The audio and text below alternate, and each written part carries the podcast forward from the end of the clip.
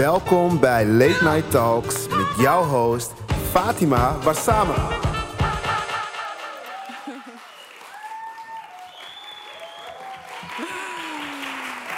Ja, we're back and we're better. Welkom bij een gloednieuw seizoen van Late Night Talks met publiek. Applausje voor jezelf. Nieuw seizoen, nieuw logo. Ik weet, zag je net, maar heb je dit logo beseft? Hallo. Kapot mooi. We hebben er echt hard uh, aan besteed. En ook nog eens een campagne met al deze mooie mensen. Kijk naar Lauren Lewis, naar Defano Holwijn. Echt heel, heel erg mooi. En ik ben zo blij dat jullie er zijn. Want het is voor het eerst dat wij hier bij Pakhuis Zwijger zitten, dat er publiek is. En het is zo fijn om mensen te hebben die kunnen lachen om mijn grapjes, behalve regie en productie. Ik bedoel, it's embarrassing. Maar ik ben blij dat jullie er zijn. Um, hoe dan ook, er is superveel gebeurd sinds de laatste keer dat ik jullie heb gezien. Of uh, de mensen die, die ook thuis kijken, want er zijn ook camera's, fans Um, heftige bosbranden, de aardbeving in Haiti, Britney Spears die eindelijk weer free is, um, de, de, overstromingen in Limburg en een coronapas. Superveel gebeurd. Uh, maar natuurlijk ook de situatie in Afghanistan. Daar ga ik zo meteen met deze drie mensen het over hebben.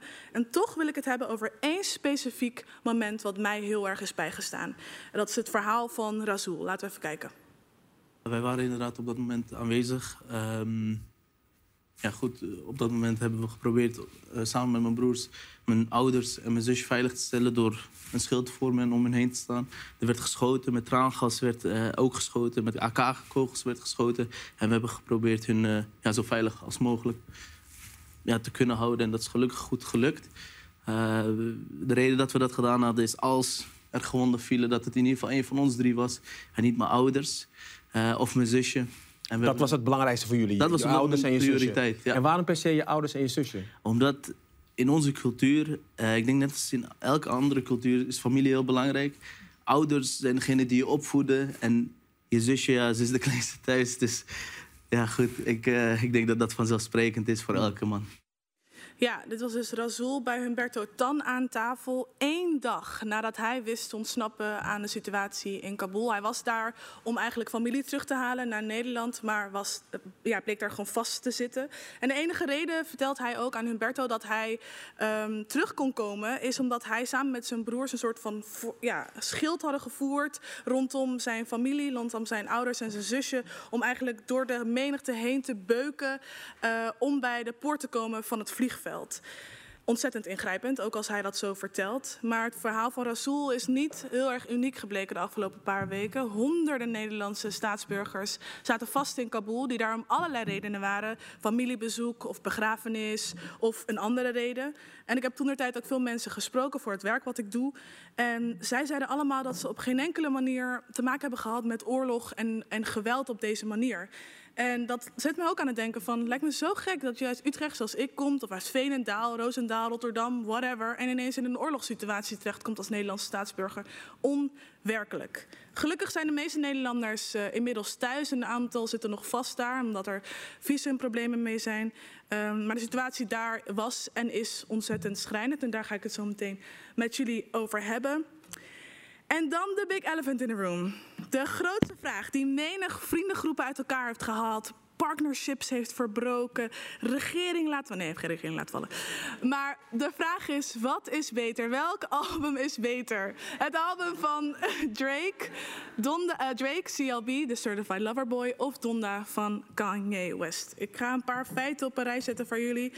Tussen de twee releases zaten vijf dagen.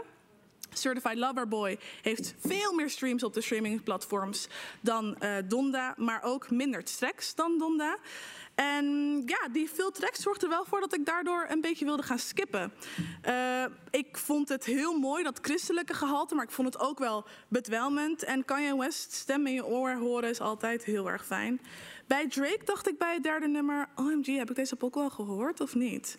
Een beetje voorspelbaar, een beetje van hetzelfde. Maar ik wilde wel heel graag erop dansen, dus dat is een heel erg goed teken. Um, mijn favoriet op het album van Kanye West zijn uh, Jill en Jesus Lord. Laten we even luisteren.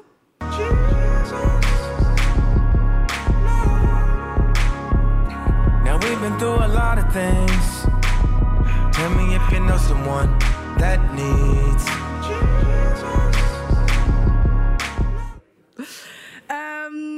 op CLB was mijn favoriete track Into Deep.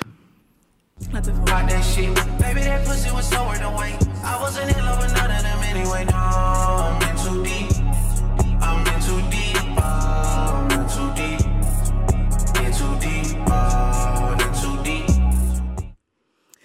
Voordat ik mijn stem ga uitgeven van welk album ik beter vond, even de hand omhoog. Wie vond het album van Kanye West beter? Oh. En wie vond het album van Drake? Als je mij beluistert, eh, heel goed. wow, Drake heeft het gewonnen in deze zaal en ook voor de streams. Maar voor mij in mijn hart heeft Kanye West gewonnen.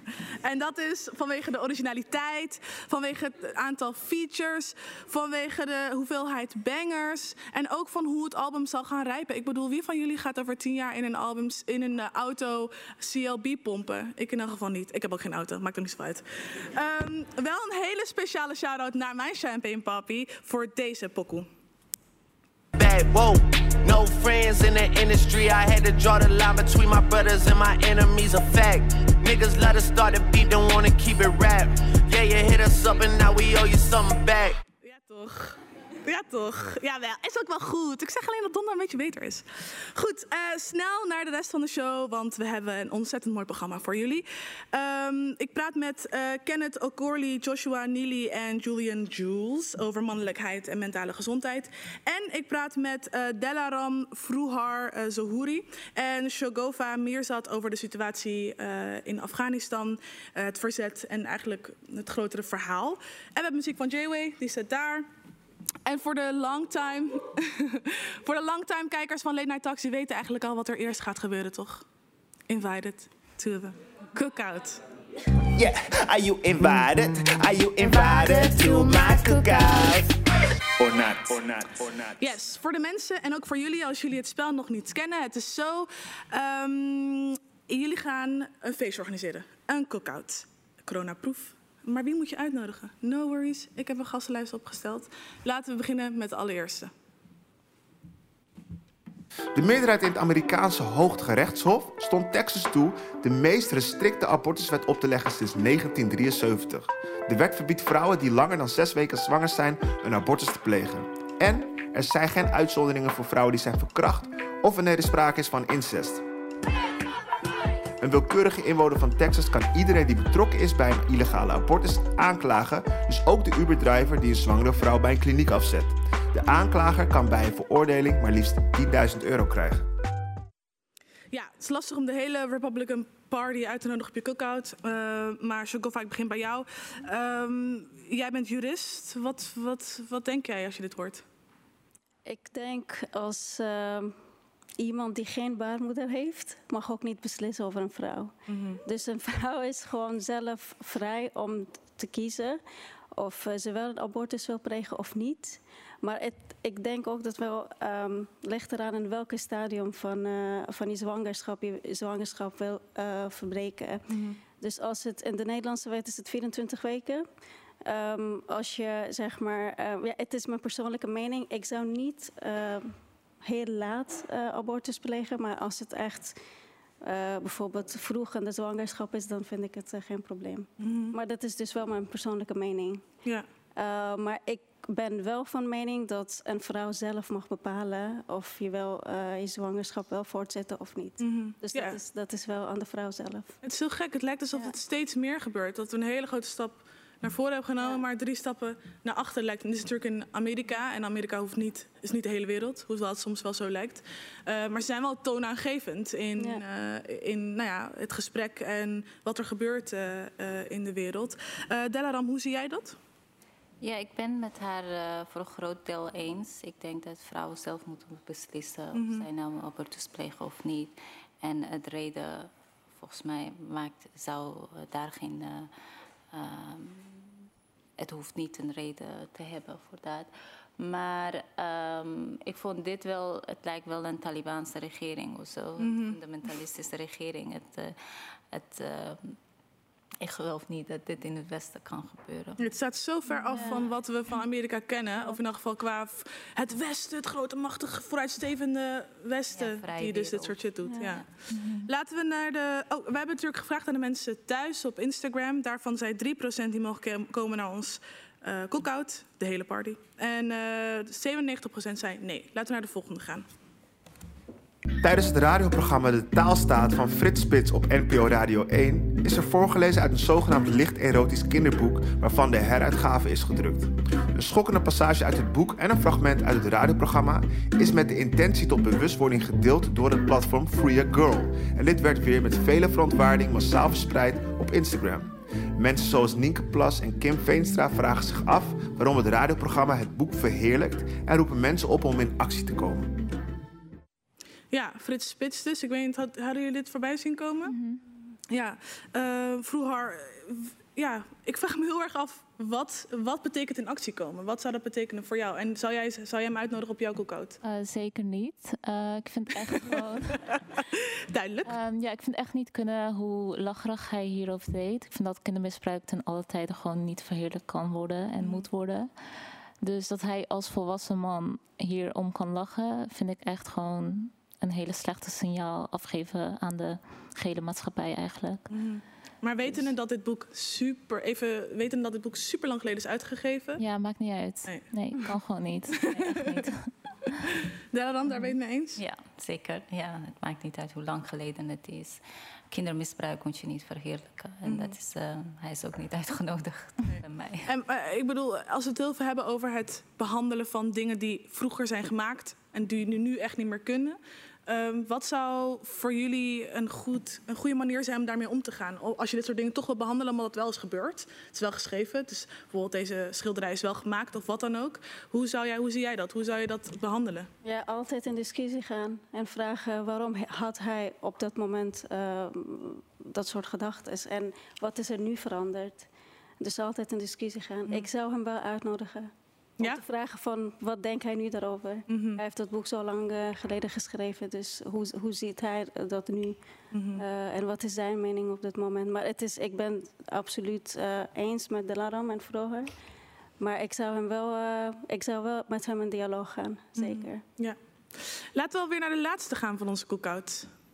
De terugtrekking van de westerse NAVO-troepen uit Afghanistan is afgerond. Het vertrek viel samen met de opmars van de terroristische Taliban, die in een gigantisch tempo Afghanistan heeft ingenomen. Na een korte evacuatieperiode van Afghanen die samen hebben gewerkt met de westerse overheden, is nu meer dan ooit duidelijk dat vrouwen en andere etnische minderheden in Afghanistan vrezen voor hun leven. And I am afraid of that. They will come to my home kill me. Maar president Joe Biden zegt nog steeds geen spijt te hebben van het terugtrekken van de VS-troepen uit Afghanistan. I refuse to continue a war that was no longer in the service of the vital national interest of our people. Ja, in dit geval bij deze cookout gaat het natuurlijk over eh, Joe Biden. Het sluit ook, sluit ook heel goed eh, aan bij het gesprek wat we zo meteen eh, gaan hebben. Vroeger, ik, sorry Delaram, ik begin bij jou hierover. Ehm, zou jij me inviten tot jou, bij jouw cookout? Ik denk wel. Ik zou wel een discussie met hem eh, hierover gaan voeren. Maar eh, in eerste instantie vind ik dat Amerika en ook de westerse wereld niet, eh, westerse landen niet daar in eerste instantie moesten zijn. Maar ik vind het wel, hun vertrek wel heel erg onverantwoord. hoe zij in een chaos dat hebben gedaan.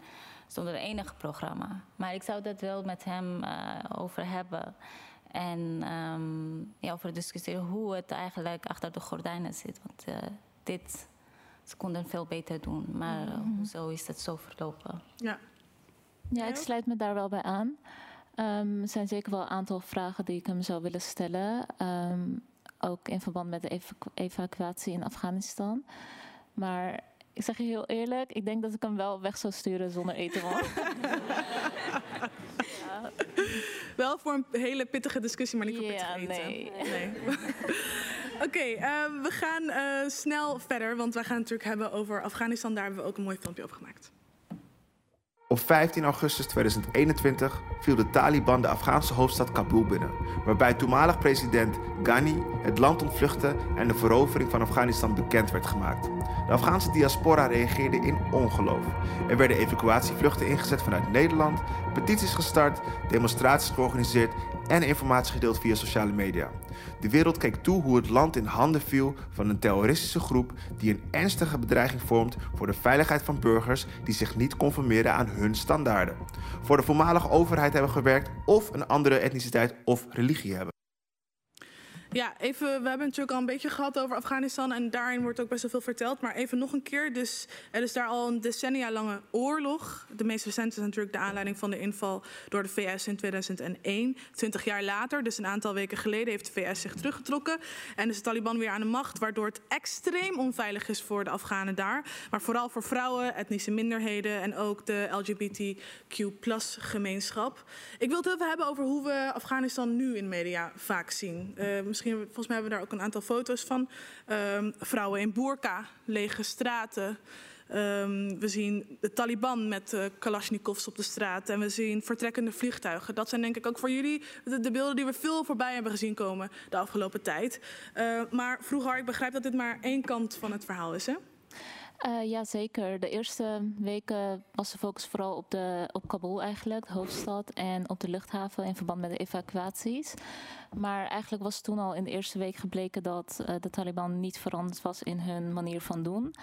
Uh, zo waren er in andere provincies, zoals in Herat en Mazar-e-Sharif, executies uitgevoerd door de Taliban. Ze hebben mensen uh, gedwongen meegenomen, vermoord en noem maar op. Dus dat was eigenlijk al voor ons um, in de eerste week al bekend. En dat, uh, zeg maar, in de westerse media zag je vooral um, de focus van uh, op de vraag van of de Taliban veranderd is of niet. maar dat was al duidelijk voor ons in de eerste week. En als je zegt veranderd, dan bedoel je dat ze wat aardiger zijn. Weet je wel, wat bedoel je dan precies? Um, dus dat ze niet meer een, um, zich gedragen als een terroristische organisatie, geen uh, extreem religieuze ideologieën hebben of fascistische ideologieën. Um, want toen ze zeg maar in peace talk gingen met, uh, met, uh, de, met Amerika, mm -hmm. had, deed ze eigenlijk een beetje zich voor alsof ze waren veranderd. En um, dat willen ze ook aan de internationale gemeenschap laten zien door middel van propaganda. Ze zijn zeker in ervaring uh, veel rijker geworden. Mm -hmm. Ze gebruiken internationale media, maar ook sociale media. Ja, dat doen ze heel goed. Ik heel zag een filmpje ja. met woord voor de Taliban. Ja, ze zitten gewoon op Twitter. Ja, ze zijn mm -hmm. vooral actief uh, in, op Twitter. Ja. Op Facebook niet en Instagram niet, maar wel op Twitter. Ja, ze hebben een hele grote ja. PR-machine met ja. hele haarscherpe beelden. En ja. dat zou je eigenlijk niet snel verwachten. Eigenlijk. Nee, klopt.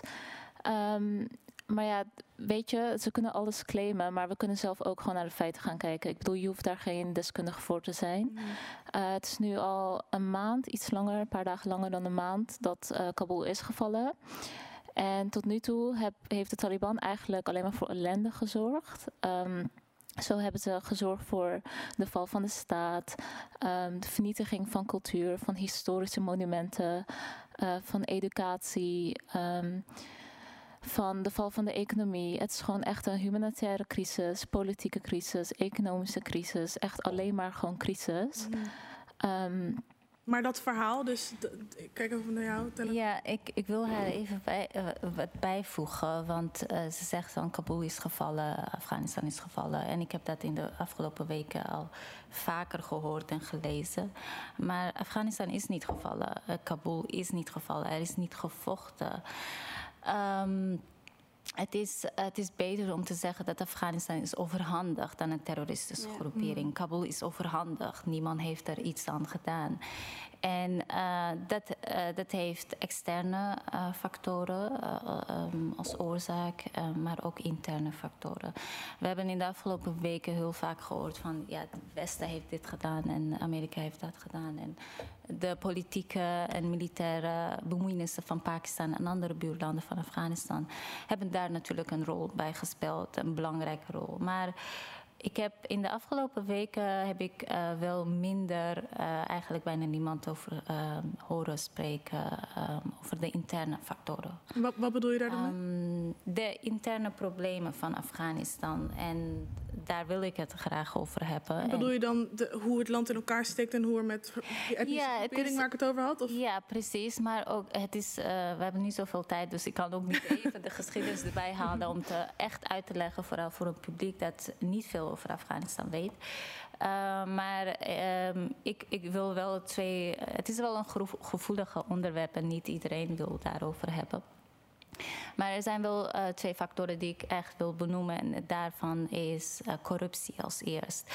Afghaanse regering, Afghaanse overheid, daarmee ook de leiders, de politieke leiders van bijna al, eh, alle etnische groeperingen in Afghanistan.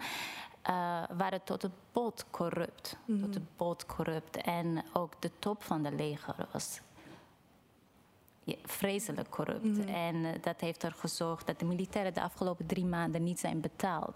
Ze waren ondervoed, ze hadden geen. eh, ze moesten zelf betalen voor hun eigen kleding, militaire kleding. We hebben het over, eh, over militairen van een land. En ook ehm, het belangrijkste is dat het leger ook bevel had gekregen van de Afghaanse regering om niet te vechten tegen de, de, de Talibanen. En dat heeft weer te maken met de etnische belangen van de Afghaanse regering. Ehm, heel kort, heel korte geschiedenis. Eh, in de afgelopen 100 jaar is Afghanistan, ehm, is de politieke macht in Afghanistan in de handen van Pashtunen. Ehm, en Wat is de grootste? dat is een van de grootste, want Afghanistan is een minderheidsland eh, waar 52 eh, verschillende etnische groeperingen leven. En daarvan zijn de Pashtunen, de Tajiken, de Oezbeken, Hazaras en de Turkmenen de grootste of de meest ehm, politiek betrokkenen ehm, etnische groeperingen. Ehm, dus moet je nagaan, in de, 100, in de afgelopen 100 jaar tot nu toe heeft één etnische groepering geregeerd over 52 verschillende etnische groeperingen. Dat vraagt om problemen. En dat, dat de geschiedenis steeds zich herhaalt, dat zien wij en dat ziet Afghanistan ook. Uh, maar ook in de afgelopen 20 jaar heeft Afghanistan bijvoorbeeld echt twee, uh, twee nationalistische uh, personen als president gehad, Karzai en Ghani. Zij waren niet gekozen door de bevolking, absoluut niet. Uh, ze waren door fraude, maar ook door steun van het Westen aan de macht geholpen. Hmm. Ik, ik ga je even ontbreken, want je zei net ook al um, dat één etnische groep die regeert over de rest, dat vraagt om problemen. Maar die andere groeperingen hebben ook wel verzet, toch? Ja, er is altijd verzet ja. uh, getoond in Afghanistan. Uh, vooral centraal, centraal Afghanistan was vaker in verzet, bijvoorbeeld Hazaras. En zij, uh, zij zorgden ook voor veel problemen in Afghan in, voor de Afghaanse regeringen in de 100 jaar. Mm -hmm. En ze zijn ook, er is ook genocide tegen hen gepleegd. Mm -hmm. En echt, Hazaras zijn drie vierde deel echt vermoord en genocide is gepleegd tegen hun. Uh, dat is ook in het noorden gebeurd, bijvoorbeeld uh, gedwongen verhuizingen van, van de mensen in, in het noorden of afpakken van het land ja. van in het noorden dan geven aan, het, aan de. Maar hoe komt het dan dat we, kijk even naar jou, hoe komt het dan dat we dat zo weinig horen in de media? Dat andere verhaal wat, wat jij nu vertelt. Uh... Ja, zoals Laura al eigenlijk zei, het is best wel een gevoelig onderwerp. Mm. Um, er is een deel van de diaspora die vooral um, uh, denkt dat zeg maar elke keer wanneer minder, uh, minderheidsgroepen in Afghanistan de problemen aankaarten, wordt ze eigenlijk gesilenced door um, onder het mom van unity, van samen staan we sterk. Mm -hmm. Wat klopt. Of, of, je wordt gezien als een racist. Maar ja, zeg maar, het klopt wel. Samen sta je sterk, maar we hebben nooit samengestaan, zeg maar. Mm -hmm. wat, wat, bedoel je daarmee? Of je wordt gezien als racist? Kijk, als je zegt van, um, als je voor jezelf opkomt als min, uh, etnische minderheid. Uh, uh, ik wil je even ja. onderbreken. Afghanistan bestaat uit etnische minderheden. Dus Pashtunen zijn ook niet de, de grootste... Klopt, maar omdat zij regeren en de ja, afgelopen honderd jaar en ja. eeuw... Dus stel als Tajik, als ik, ik ben een Tajik, als ik iets zeg, dan word ik, zoals zij, zij zegt, dan word ik... ik gesilenced. Ja, gesilenced. Ja. Want stel dat ik zeg van, hé, hey, ik heb ook rechten, dan zeggen ze van, hallo, unity. Mhm. Dat mag je, mag je niet zeggen, want Mhm. eh, wij zijn gewoon één volk. Maar dat is Mhm. eigenlijk nooit Ja. zo geweest. Er zijn heel veel gevoeligheden in het gesprek daarover. En dat het misschien ook in de media is makkelijker om dat ene eenduidige verhaal te vertellen van Kabul. Terwijl het is een supergroot land en er is veel meer wat daaraan. de Talibanen ook betreft, eh, dat wilde ik ook bij zeggen, dat eh, de leiders van de Talibanen ook uh, Pashtunen zijn. Dus uh, het hele land uh, in de afgelopen 20 jaar dat wij zeg maar, democratie hadden en alles, uh, of Afghanistan dat had, is de, de, twee presidenten dat Afghanistan had, was, uh, waren altijd pro-Taliban. En dat hebben ze niet onder tapijt gevolgd. Dus mm -hmm. Ze waren altijd um, openlijk. Uh, ze noemden Taliban als broeders, als kinderen van Afghanistan die recht hadden om mee te regeren. Mm -hmm. In de afgelopen twee jaar zijn er 5000 Talibanse terroristen vrijgelaten onder bevel van Ghani, de ex-president die weggerend, uh, weggevlucht is. Um, ook in de laatste zes maanden voor de He, over, overgeven van het land is in Afghanistan veel veranderd. Mm. Dat hebben misschien heel veel mensen ook niet uh, gezien of gemerkt. Um, in de top van de leger zijn alle niet.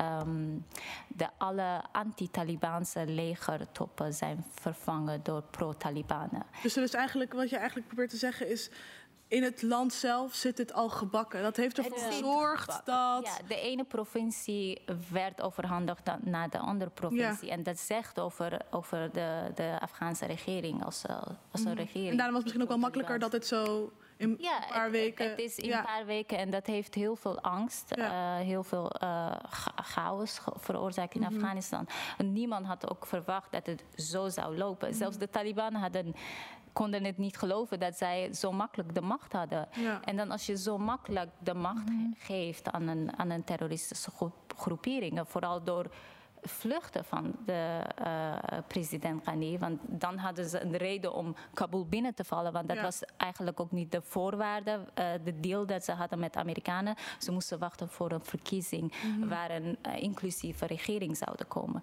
Maar als je wegvlucht, je geeft de Taliban, de te terroristische groepering, een reden om Kabul binnen te vallen onder mom van security gap. Mm -hmm.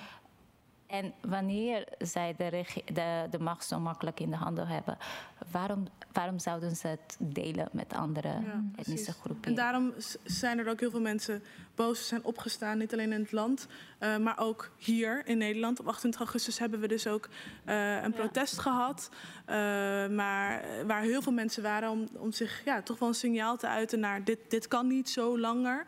Um, hoe heb jij dat, heb je dat gezien? Ja, ik, ik was er zelf ook bij. Ik, uh, ik heb het ook uh, bij de demonstratie uh, geweest.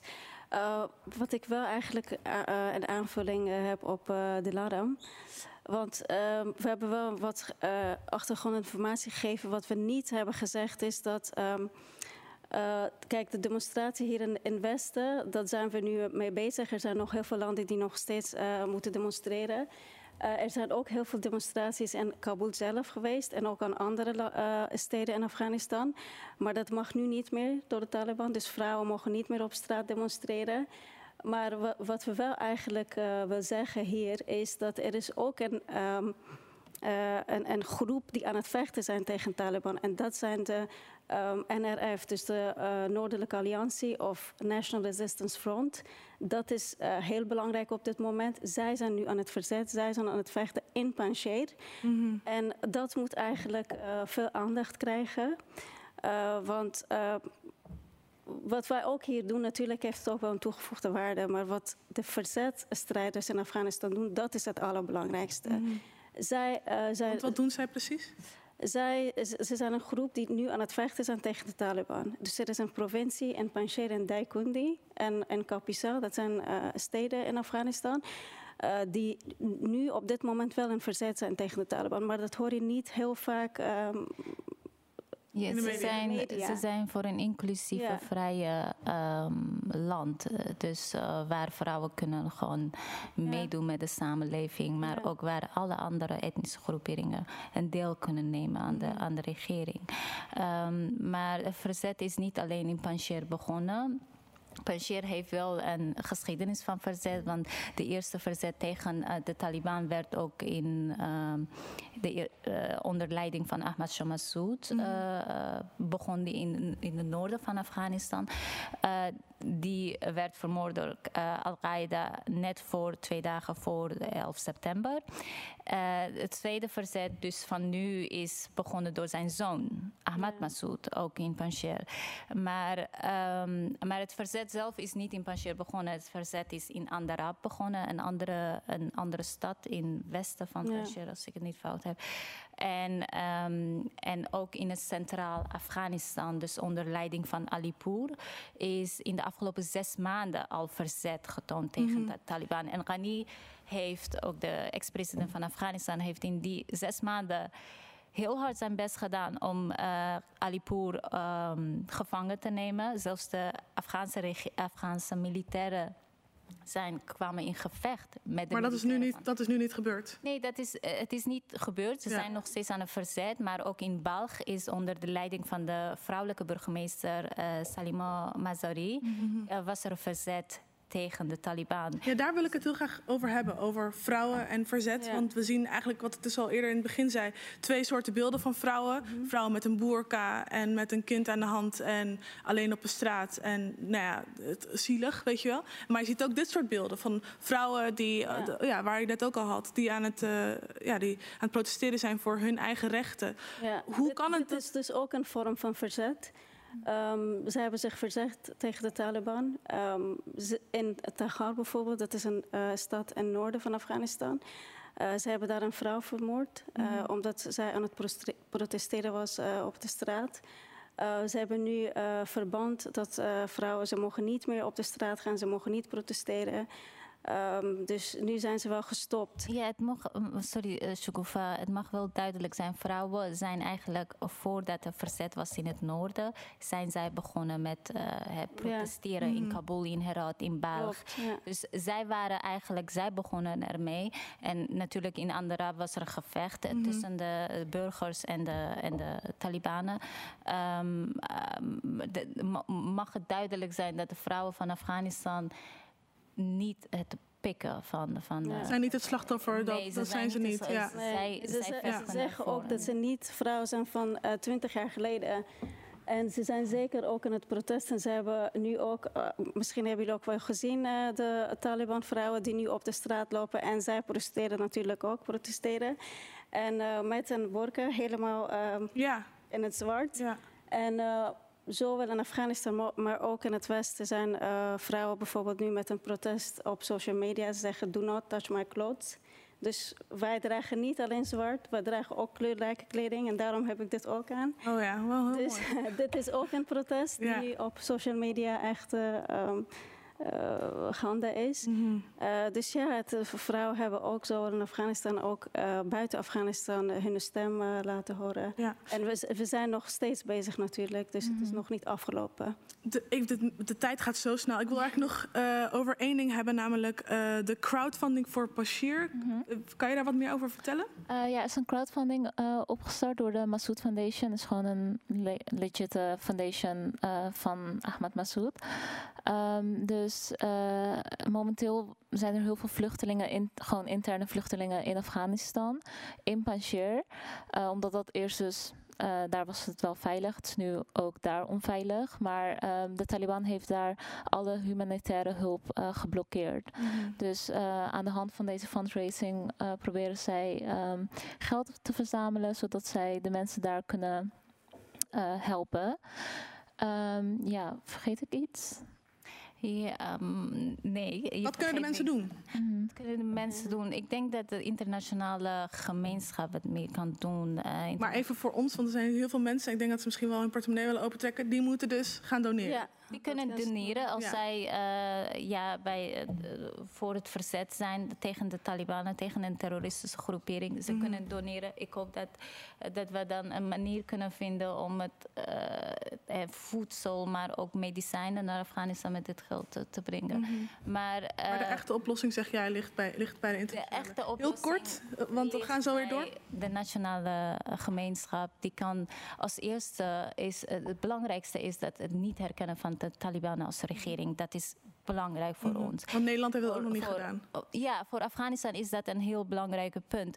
En het herkennen van de Nationale Resistance Front, dat, dat, is, dat zegt al genoeg. Van, er zijn mensen in dat land tegen de Taliban. De Afghaanse bevolking heeft de Taliban niet gekozen. Zij zijn daar uitgenodigd door een bepaalde groep mensen. Door, ehm, dus dat mag, dat mag duidelijk zijn. Van Mhm. zuid tot noord, van oost tot west.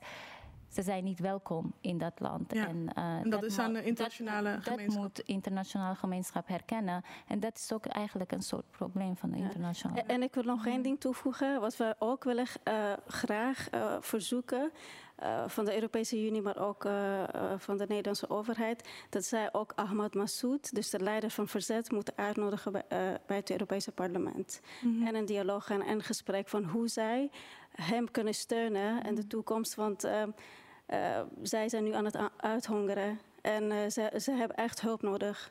Ja, ik Dus dat is heel belangrijk. Ik ga afronden.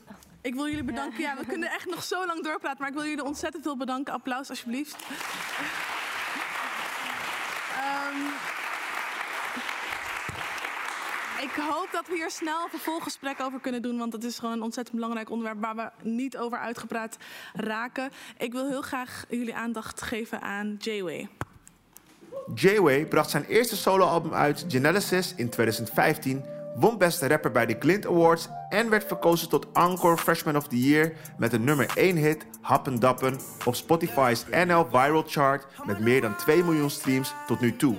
De Amsterdamse artiest wil popmuziek herdefiniëren en verder gaan dan de stereotype rapper-zanger. Zijn sound is een mix van klassieke hip-hop uit de jaren 90 met een vleugje vintage soul. De muziek weerspiegelt precies waar J-Way voor staat: vrijheid van meningsuiting in stijl, muziek en het leven. Yes! Check, check. Someone? Ik denk het One, wel. two, one, two, one, two, one. Yes. Ik ben zo blij om je hier te hebben. Elkaar, je bent ook echt een vriend van de show. Je bent hier vaker geweest in alle jaren dat wij dit aan het doen zijn. Klopt. Het is heel mooi om te zien hoe jullie zijn uitgegroeid. Ja, sick hè? Ja, man. Ehm, zometeen ga ik met deze drie prachtige heren hebben over mentale gezondheid en mannelijkheid. Maar jij, hebt jij bent ook daarmee bezig geweest met het onderwerp. zeker, zeker, Je zeker. hebt het nummer gemaakt, I Am Not Okay, op een gegeven moment. Mhm. Kun je daar wat meer over vertellen? Yes, No I'm Not Okay was een nummer eh, die ik eh, twee jaar geleden heb geschreven. En eh, ja, het was voor het eerst dat ik heel erg kwetsbaar was op een nummer. En ik dacht, ja, het is, ehm, hoe zou het zijn als ik een gesprek had met mijn depressie? Als depressie een persoon was, hoe zou dat klinken? En eh, ja, dat was eigenlijk het resultaat. Daar kwam het nummer uit. Ja, ontzettend mooi nummer. Ga het alsjeblieft ook luisteren, want het is heel ja, brave eh, om dat te doen. En het heeft ook wel gezorgd voor gesprekken. Zeker. Voor jou binnen jouw vriendengroep met mensen, toch? Over Klopt. mentale gezondheid. Zeer zeker. Het wa- het was een, eh, ik vond het best wel eng. Omdat ik niet heel erg open ben met ja, toch wat gaande is. Maar muziek is echt mijn uitlaatklep. Mm. En ja, ik kon er niet meer omheen nadat ik het had uitgebracht. Zo. Ja. De gesprekken vloeiden daarna. Zo. Nou, daar kan Jules misschien zo meteen ook wat over vertellen. Eh, ik ga met jou een spel spelen. We spelen hier altijd een spel. En het spel dat we nu gaan spelen is Change the Genre. Change the genre. Change the genre. Change the genre. Flip it up and change it. Is eigenlijk best makkelijk, maar ook een beetje moeilijk. Ehm, we krijgen... Ik blijf kijken, ik wacht op Ehm, we krijgen zo meteen een nummer te zien, eh, een, een, num- een naam van een nummer. eh, en het genre waarin we dat, dat nummer moeten gaan spelen, zoals Controlla in Van Drake in Country bijvoorbeeld. Heel moeilijk, is ook moeilijk, maar we gaan het toch doen. Ehm, ik trap af en ik heb jullie hulp nodig om ons op te hypen. Oké? Oh my god. Dit is zo spannend, hè. Even kijken, wat krijgen we?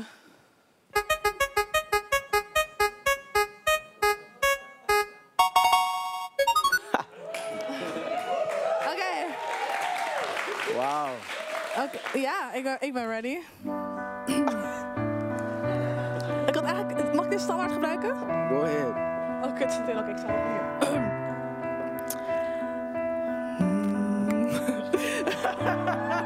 zit in. Oké, ik sta ook hier. Oké, oké, oké. Komt komt-ie, komt-ie, komt-ie. I'm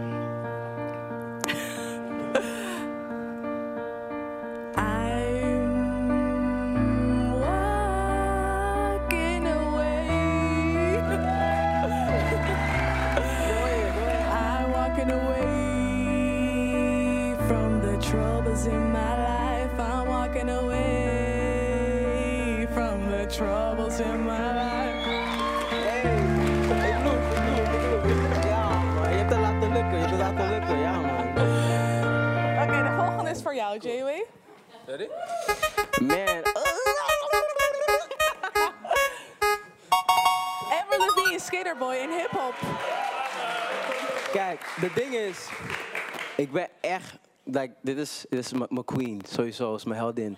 Maar ik ben de Black Avril Lavigne. Je. maar um, ik ben echt heel slecht met teksten, so let's try it out. Let's go. Iets met Skaterboy. Uh-oh. Dang, okay. Yeah. Uh, uh, uh, uh, uh. yeah. He was a boy, she was a girl. Could not make it any more obvious. He was a punk, she did ballet. What more can I say? He wanted her, she never tell. Secretly, she wanted him as well. As well. All of her friends, they stuck up their nose. They had a problem with his baggy clothes. He was a skater boy, she was a. mm. hold on. Was up in space. She needed to come back down to earth. Yeah, yeah, that's all I got.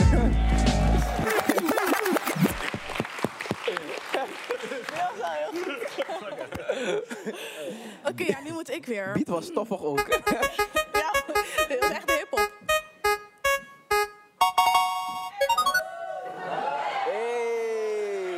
Hé, ze fokken me hier, man. Ik weet niet wie, deze, wie dit allemaal verzint. Oké, ehm, Let's get it.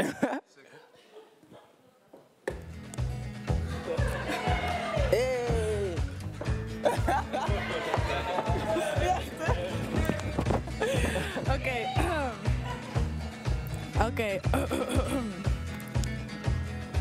Well, don't you wish a girl like me that was hot, so wish your girlfriend was a freak, a freak like me?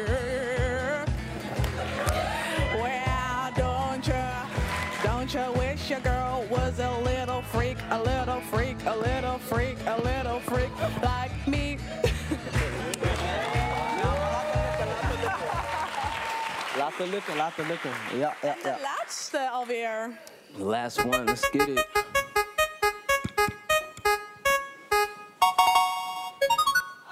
Dit is irritant. Dit is irritant, want wat ik net zei is echt toepasselijk op elk nummer. Dus zelfs mijn eigen nummers. Oké, we moeten Je kijken eigen of ik hem nog nummer kan. in reggae. Laat het proberen. Ik ken mijn eigen teksten niet altijd zo goed. Alright, let's go. Wauw. Hey, I got jou. Yo. See, I've been painting all these pictures in my head when I'm alone. You and me never in sync. It's hard for me to stay afloat. And the way you tear me up, it made me hurt onto the bone. When now I gotta be social, I don't know if I should go. Could pick it up and try again another day. But I wonder would they even notice anyway? Yeah, how can something so easy be so hard to say? Why would they even allow you to get a hold of me? No one wants to know. That's it. Ik zeg je eerlijk man. Wauw. Ja, I need more than that. Nou, zometeen. Gekke impro. Zometeen ga je gelukkig je- een van je eigen nummers ook spelen met je eigen beat. I can toch? redeem myself. Ehm, ik kan nu al niet wachten, maar eerst ga ik praten met Kenneth O'Corley, Joshua Neely en Jules. Drie mensen die heel veel weten, nadenken over hun man- mannelijkheid. Laten we even kijken. Hypermasculiniteit. Een term die wordt gebruikt voor het benadrukken van de overdrijving van stereotyp gedrag bij mannen. Denk hierbij aan fysieke kracht, agressie en seksualiteit. Tegenwoordig krijg je als mens meer de ruimte om te kiezen of je jezelf als vrouw, man of iemand daartussenin identificeert. Niet alleen dat, maar ook het uiten van je gevoelens wordt steeds meer genormaliseerd. Voor mannen is dit nog altijd een moeilijk onderwerp om aan te snijden. En dit eist zijn tol op de mentale gezondheid. We praten met Kenneth O'Corley en Joshua Neely over maatschappelijke verwachtingen, het verschil met de kijk op masculiniteit vergeleken met vorige generaties en welke stappen er nog genomen moeten worden in de mannenemancipatie.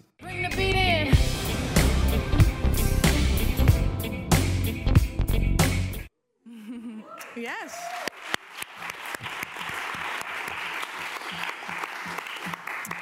Kenneth, Joshua en Jules. Dus dat hoort net niet in het filmpje, maar je bent eh, als laatste ook aangeschoven hier vanavond. Dankjewel dat je wilde komen. Graag gedaan. Eh, Joshua, I'm gonna talk in English with you guys, but I'm gonna start with Kenneth in het Nederlands. Eh, want als we aan een man denken, dan denken we dus aan een Johnny Bravo eigenlijk, toch? Een soort van grote, sterke man met een grote dos haar en laat zich niet, laat zich niet eh, kisten door vrouwen. Ja, dat is wel een beetje de, de standaard Mhm. wat eh, aan een man wordt eh, gekoppeld. Ja. Of dat is wat, wat ik wel nog best wel veel ervaar, Mhm. ma- maatschappelijk gezien. Dat er zo wordt gekeken naar een man. Dat je al die, die facetten die jij net benoemde, dat je dat eh, moet embodyen om een man te zijn. Mhm. Ja, want jij hebt ook best wel een persoonlijk verhaal, want jij bent veel met dit onderwerp aan de slag geweest. Ja. Zeker de afgelopen paar maanden ben je heel veel hiermee bezig geweest. Wanneer was, kan je je misschien herinneren de laatste keer dat je dacht, oh, dit is, dit is hoe ik denk dat man zijn is en ik wilde hier niet meer aan meedoen? Ehm, ik denk dat dat echt een aantal maanden geleden kwam. Het is echt, eh, ik heb een hele pers- personal journey ge- gehad. Mhm. Ook met eh, depressie. En ehm, daaraan gekoppeld was ook wel, masculiniteit was daar ook een ding van. Ik heb best wel lang geconformd aan, eh, ja, aan die standaard die er was. En ja, dat heeft me eigenlijk best wel veel in de weg gezeten. Waardoor ik niet goed kon communiceren over mijn gevoelens. Of juist gevoelens van een ander persoon begrijp- eh, begrijpen. Ehm, dus de omslag is voor mij geweest, denk ik, eh, therapie, praten, reflecteren op wat voel ik nou, eh, wie ben ik en waar komen deze gevoelens vandaan. Mhm. En dat kan ik nu beter pinpointen dan een aantal maanden geleden. Ja. En je had het net ook al over depressie. Is dat, was dat, zeg maar, je proces afgestoken door, door wat je hebt meegemaakt? Ja, eh, de, depressie is eh, dat, dat. Ja, ik heb dat eigenlijk al vanaf mijn tienerjaren. Mhm. Maar ik herkende dat niet. Mhm. Ehm, van, thuis, van thuis uit was het ook niet heel erg gewoon om te praten over hoe je voelde. Ehm, ja, dus dat, ja, dat, dat is met me meegeslopen eigenlijk. eh, tot, in, tot nu. Ja. Nu kan ik er beter mee omgaan. Ik Ja. heb nog steeds moeilijke dagen. Maar ehm, ik weet nu wel wat ik voel en waar het vandaan komt. En eh, mijn trauma's dus. eh, en door daarover te praten met een psycholoog en dat verder te gaan uitzoeken. Mhm. Dus dat... eh, Kan je het herkennen en dat ook misschien Ja. ook aanpakken? Ja. Ja. ja. Jules, kijk even naar jou. Want jij bent ook heel vocaal over hoe jij mannelijkheid ziet. En ehm, ja, hoe je dat ze- zelf voor jezelf wil identificeren. En ja, hoe je daar zelf mee omgaat. Ehm, kun je dat vertellen? Want jij bent, je zegt ook op Instagram van ik draag wat ik wil. Eh, Hoe zie jij je eigen mannelijkheid? Ehm, ja, ik denk dat het vooral belangrijk is dat mannen zichzelf ook accepteren en een soort van het lef hebben om zich erbij neer te leggen dat ze zijn wat ze nou eenmaal zijn. Snap wat ik bedoel? Mhm. Dus, ja. Ja, ja, dat. Eh, want jij bent nu 22. Ja, klopt. Maar je bent al heel erg lang bezig met zelf aantrekken wat je wilt. Ja. Eh, jezelf gedragen zoals je wilt. Maar je, je voelt wat weerstand door je omgeving. Eh, ja, het begon eigenlijk op de middelbare school.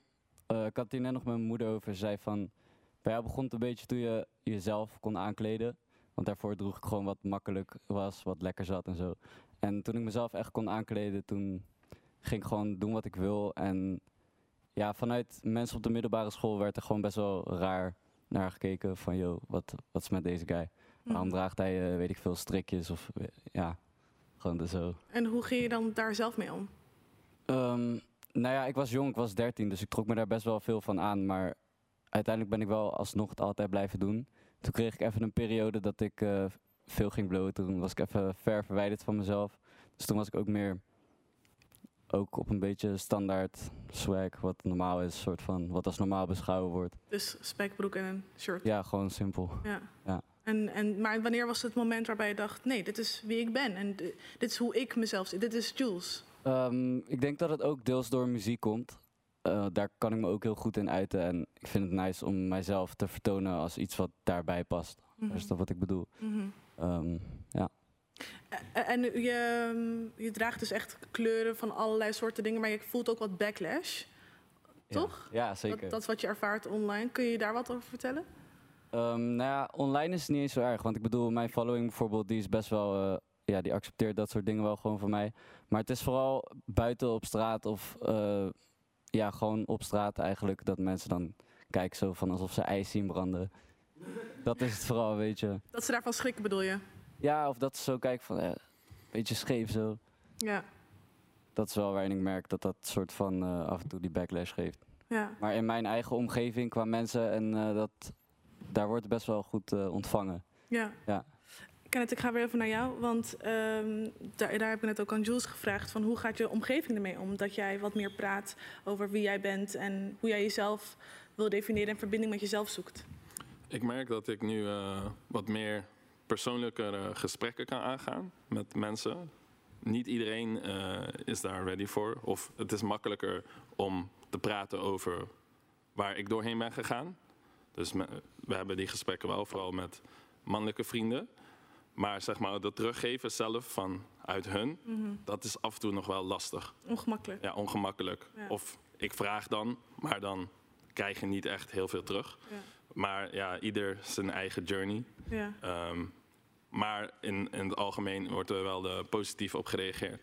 Denk jij dat als iemand dat aan jou zou vragen toen, misschien vijf jaar geleden, van eh, oh, vertel wat hoe jouw mental health is, dat jij dan ook zou zeggen van Ik was niet daar. nee. Nee, ik was niet daar. Nee, nee, nee. Nee, ik, eh, nee het proces echt van het psycholoog, reflecteren, stap terugnemen, naar binnen kijken. Dat heeft mij echt, echt geholpen. Mijn ogen zijn nu echt open. Ik zou dit echt iedereen gunnen. Mhm. Ja. Denk je dat de samenleving, eh, ja, dat mag best wel geklapt worden. Thanks, thanks. Denk je dat de samenleving nu ook, want we we zeiden het ook al in het filmpje, het is ook steeds meer aan het veranderen. Er zijn steeds meer mensen die over hun gender praten, over hun mentale gezondheid, over de manier waarop zij in hun lichaam voelen. Dat dat ook bijdraagt aan misschien dat, ja, Matties, dat ze dan over een jaar ook wat opener kunnen zijn? Ja, ik denk, ja, ik denk hoe meer eh, het sociaal geaccepteerd wordt. Want er zit op, zeg maar, op je uiten. En dan denk ik ook, vooral als man, er zit best wel een stigma op. Omdat je, eh, omdat je dat beeld hebt Mhm. van wat een man moet zijn. Dus Sterk. Is het, ja, er zit best wel een, een, een, ja, een, eh, een stigma op voor mannen om daar open over te zijn. Mhm. Want misschien zijn er wel mensen die dat willen, maar is de omgeving voelen het? zich niet veilig genoeg om dat te doen, zeg maar. Ja. Ik hoop wel dat het, dat het steeds opener wordt. Mhm. En eh, het is ook fijn om te zien dat er steeds meer eh, ja, gesprekken over gaande zijn. Mhm. Maar het mag altijd meer. Ja. Eén iemand die in elk geval geen enkele F geeft over hoe de samenleving naar hem kijkt, is natuurlijk Lil Nas X. These days I'm way too alone and I'm not forgiving love away, but I want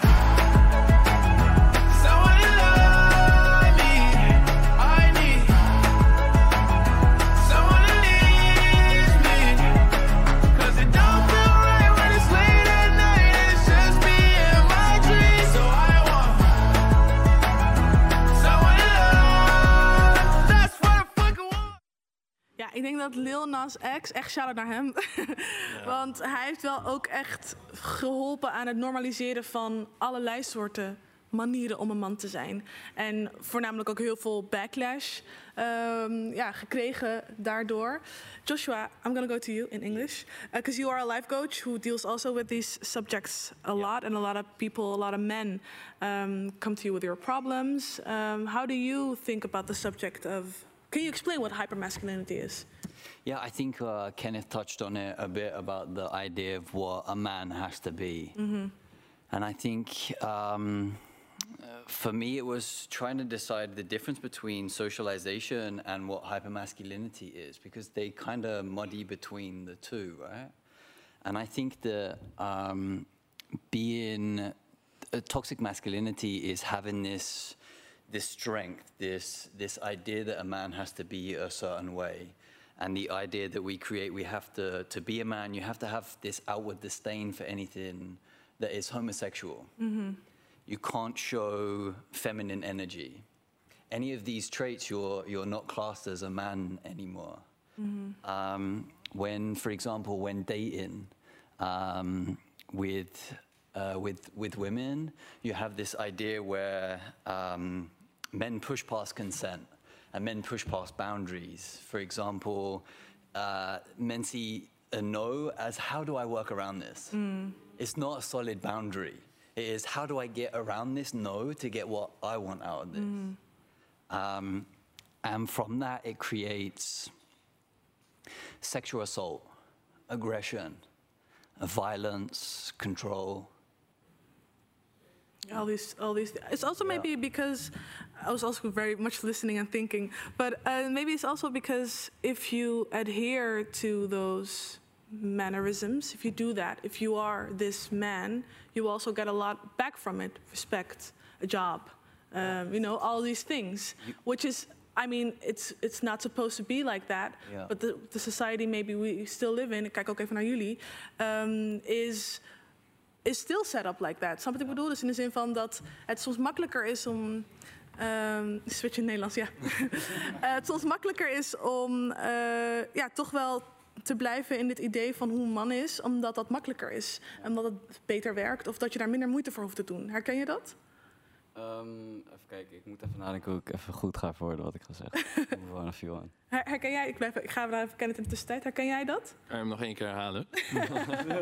Nou ja, dat het dus makkelijker is om, om te blijven in dit idee van man zijn. eh, van al die dingen die jij opnoemde, maar die Joshua ook opnoemde. eh, van hoe wij mannelijkheid zien. Dan nadenken over hoe jij je voelt en hoe je je echt zou willen gedragen. Omdat, dat, omdat je daar veel meer moeite voor moet doen. Ik, ik denk, ja, het, het makkelijkste is om, om dat te blijven doen. Mhm. Maar ik denk dat ehm, bijvoorbeeld gevoelens of emoties, iedereen heeft emoties. Eh, bepaalde waarden worden gekoppeld aan man of vrouw zijn. Mhm. Maar ik denk dat die waarden, zoals ook emotie of zacht zijn, of, dat zijn gewoon menselijke waarden. Dat hoeft niet gekoppeld te worden aan een gender. Mhm. Ehm, dus ik denk, ja, ik denk gewoon dat heel veel mannen er nog niet zijn. Ehm, ik denk dat er gewoon meer initiatieven moeten zijn eh, waarin ehm, ja, een, een space wordt gecreëerd waarin mensen of mannen dat kunnen zien van hé, hey, dit is ook oké om zo te zijn. Mhm. Ik denk niet dat het een het andere hoeft uit te sluiten. Je kan ook macho zijn en ook eh, heel veel emoties in je hebben. Ik denk niet dat het een ander hoeft uit te sluiten. Ja. Um, Joshua, how do you help the men that come to you with uh, the things that they deal with, where, like you were talking about, as a coach? I think in general, um, society robs men Mhm. of their ability to have feminine energy. It robs them of their feelings, it robs them of their emotions. And our ability to express ourselves. And what I do as a coach, I help men feel into those feelings. I help men express them in a way that isn't frustrating in a way that we can communicate better with our partners, with our friends, in a way that we can feel our bodies. Mm-hmm. Men in general live from the neck up and not from the neck down. We, I find it incredibly hard when I ask men to explain a feeling to me, they go straight into telling me a story about how that is created. Can you, what do you mean? Can you explain? So, for example, right now, I'm feeling anxious. I'm feeling excited. Um, and when I ask a man, how do you feel? Where does that feel in your body? When you're upset, do you, does, your, does your chest tighten or do you feel a tighten in your neck? Can you feel your feet on the floor? When I, majority of men, when I ask them to feed a feeling, it's kind of like, well, there's this thing that happened one time, and then this and, and that, and it's like, but how does that make you feel? Yeah. By understanding how we feel and being able to express that, rather than being called weak or pussy or however Mhm. it is expressed, when we're in a safe space and we can we can create vulnerability and we can open up like for me that's the most courageous place that we can be and that's how i help men express themselves Mhm. Yeah. And you do that in sessions where you talk to them to come closer to themselves. Yeah. Yeah. So I, what I do is embodied uh, exercises. So I don't. Uh, I do a lot of talking as well, but in general, it's about feeding into our body. It's about feeling how our body feels, about what trauma we have from the past, and how we work through those those issues, uh, traumatic problems that we've had, or how we have conversations about what we want within a relationship Mhm. How we have those conversations with our partners rather than falling into these societal norms of, well, I'm, an, a- I'm a man, I should act like this. Mhm. I don't express my feelings because if I do, then that makes me less of a man, Mhm. not a person anymore. So how do you create that awareness um, from outside your practice and the coaching that you do? I create that awareness by um, being in places like this, talking with you guys. I have a project that I'm working on with, with Kenneth at the moment to help men get back into contact with their feminine energy and their ability to express their feelings and emotions. Mhm. And anybody that is in the vicinity of me is going to listen to me talk about those things. so, yeah. Yeah. Everybody that knows me or talks to me, this is my baseline conversation. Mhm. Jules, ik ga naar jou. Ja. Ehm, want jij hebt eh, laatst, eh, talking about awareness, over awareness gesproken. Jij hebt laatst een post gedaan op jouw stories met heel veel verschillende soorten teksten. Eh, lang verhaal over hoe jij ernaar kijkt in het Engels. Ja. Ehm, en ik haal daar even één stukje uit. Jij zegt namelijk: And what is even wrong with your feminine side? We were talking about also as being a male.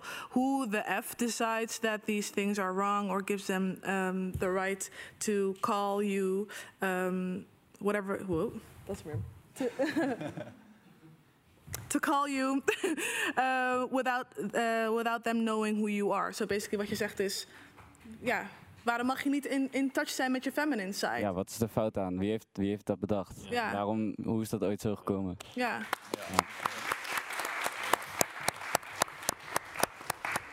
Hoe ben jij in touch geraakt met je feminine side? Ja, ik ben sowieso heel mijn leven opgevoed door mijn moeder. Dus eh, ja, dat sowieso. Eh, ik denk ook dat het door anime komt. Ik kijk JoJo's Bizarre Adventures en dat is best wel... eh, het heeft me geïnspireerd heel erg om nog meer zeg maar, mezelf te uiten over... als in wat ik echt dope vind om te dragen. Want voor de mensen die geen anime kijkt, ik. Wat, wat betekent dat? Wat, ik kijk geen anime, dus eh, kan je wat uitleggen over die, wat, hoe, Ja, oké. hoe het heeft ontketend? Hoe het eruit ziet, zeg maar. Het ja, zijn wat best wel... heeft gezorgd voor waardoor jij eh, feminine energy hebt gevonden? Ehm, ja, ze doen bepaalde poses, dan gaan ze helemaal... Zo. ik vind dat heel mooi en ik vind die outfits die ze dragen, het is best wel eigenlijk over de top gerg hoor. Even om maar zo te zeggen. Maar ja, ik vind het geweldig man. Ja, dat Ja. heeft je wel. Het is ook wel media en waar je naar kijkt Ja. en wat je opzoekt. Ja. Ja. Dus dat heeft me heel erg geïnspireerd. Ik denk dat we eigenlijk al bijna helemaal eh, rond zijn, mannen. Ik wil jullie echt heel erg bedanken. Nou, misschien nog één laatste ding waar ik het over wil hebben, is eh, een tip voor mensen die aan het kijken zijn, ehm, mensen met allerlei soorten genders, om in contact te raken met hun eigen eh, zelf, om dichter bij hunzelf te komen en los te maken van dit idee van hoe je moet zijn. Ik begin bij jou, Kenneth. Wat zou je meegeven? Ik vind het lastig om een tip te geven. Ik denk dat je eerst bij jezelf naar binnen moet gaan. Want pas als jij er klaar voor bent, dan pas ga je dingen zien. Of dan pas sta je open om eventueel met een psycholoog te praten. Of whatever. Mhm. Misschien niet een psycholoog, misschien andere manieren. Mhm. Maar ik denk dat je eerst jezelf moet accepteren. Mhm. Ook voor wie je bent, ook je flaws. Je goede dingen, maar ook je flaws. En dan van daaruit kan je En één praktische tip, want dat is, wel, dat is, dat is, dat is de challenge, toch? Jezelf accepteren. Ehm, Ga naar een psycholoog. Ja, ja, dan zeg ik dat. Ja? Ja. ja. Joshua, maybe one last tip for the people who are watching? Yeah, I think as I think as men, uh, you're going to touch on a little bit of what Kenneth said about figuring out who you are, and, and, I, and I understand that's uh, that's something really hard to do. Um, but I think living your authentic life and being able to communicate that to others is the is the is the biggest gift you can give to yourself and Mhm. others in life. And I think by understanding that you can ask for help, by understanding that you're not weak, by showing up and being vulnerable. By doing that, you're the most courageous person you can be. Mm-hmm. Wow.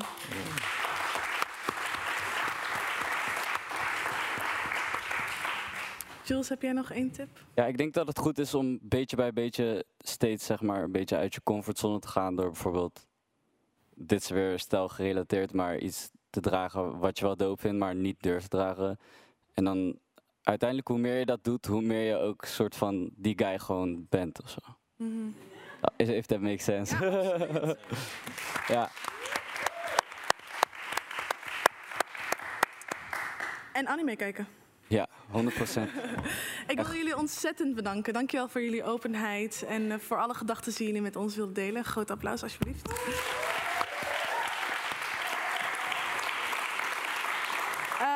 We hoorden hem net al zijn eigen nummer doen in reggae, maar gelukkig gaat hij nu zijn eigen nummers doen op zijn eigen manier. Laten we alsjeblieft een heel groot applaus geven aan J-Way.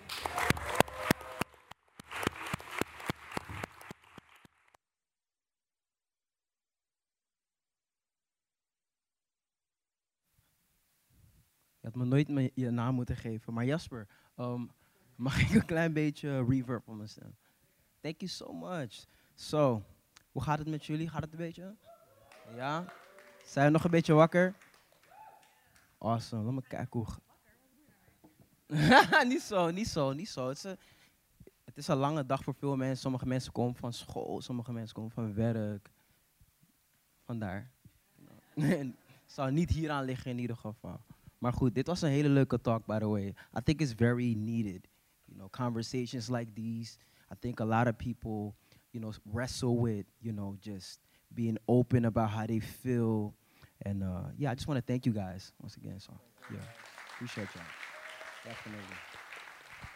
Alrighty. Um, I actually made a project about this subject matter, um, part of this subject matter, and um, I'm gonna do a few songs and hope you guys like it.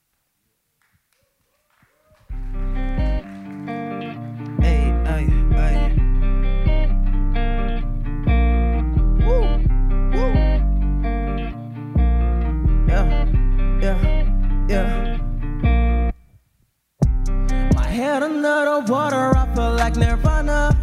I'ma make it to the top, I promise my mama. This life feel like a race, I feel like Quintana. But I'ma make it to the top, I promise my mama. I'm a grenade, tick, tick, tell them they late. Create a wave, splash, splash, I'm in my lane. Took us some time to realize we are not one of the same. And I keep it a buck, a lot of y'all do not have it running through your veins. I don't hear what they say, but it finna make way. Five minutes on your stage, it's more than minimum wage. And yo, we living better days. So my hope it never fade. And we living better days. Finna make way. Swim through my brain, feel like I'm trapped inside of a maze. I give them signs, but it's like they're at a rave. Look to the sky, feel I'm guided by the hay. Yeah, yeah. Wow, wow, wow, wow. Head under the water, I feel like Nirvana. I'ma make it to the top, I promise my mama. This life feel like a race, I feel like Quintana. But I'ma make it to the top, I promise my mama.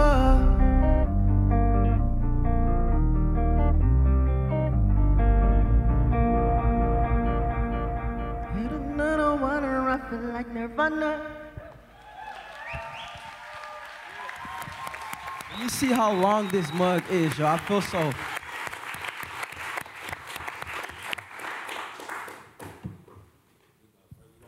Oh, this off. Okay. Gonna get. It, let's get it. Let's get it. Whoa. Yeah, yeah, yeah, yeah, yeah. So this is the last song. Y'all can stand up if y'all want to. Hey. I'm gonna ride.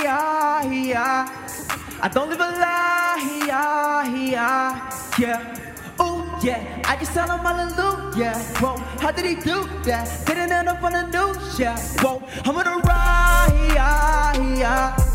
I don't live a lie, yeah. Oh yeah, I just tell him hallelujah. Whoa, how did he do that? Didn't end up on the news, yeah. You see the glow. Funny how I ain't exist to you when I was broke. Couldn't get that brr, now they blowing up my phone. I got people looking at me like they seen a ghost. All this work I put in, you would think I had a clone. I have looked in the in my head and I I Lord he didn't pop. Never thought that I would be him and I saw the chance and I gave it a shot. Supposed to be dead or in jail, but you see how I'm dissing the plot. Yeah, I was destined for the top. Yeah, whoa, I'm gonna ride. Yeah, yeah. I don't live a lie. Yeah, yeah. yeah. Ooh, yeah. I just tell him hallelujah. Whoa. How did he do? Yeah, didn't end up on the news. Yeah, whoa. I'm gonna ride. Yeah, yeah. I don't live a lie. Yeah, yeah. Yeah. Ooh, yeah. I just tell him hallelujah. Whoa. How did he do that? Didn't end up on a new yeah, whoa. Would I be alive if I kept that job? Man, I don't know. In 2018, told the road this my last shit being broke. I remember on the school playground and Jay trying to bust the flow. Used to back for shows, now live on the road.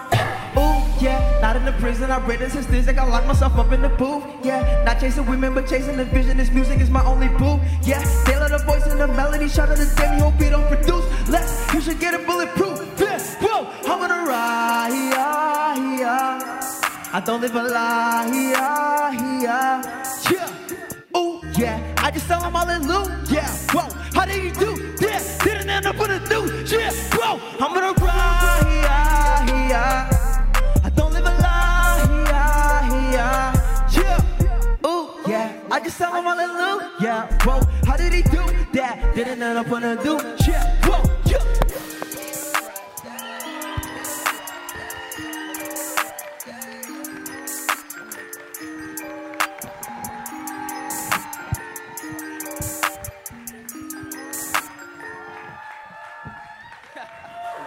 Man, I can't wait to get back on the road, y'all. God bless y'all. Late night talk. Thanks for having me. Ja, ik heb er niks aan toe te voegen.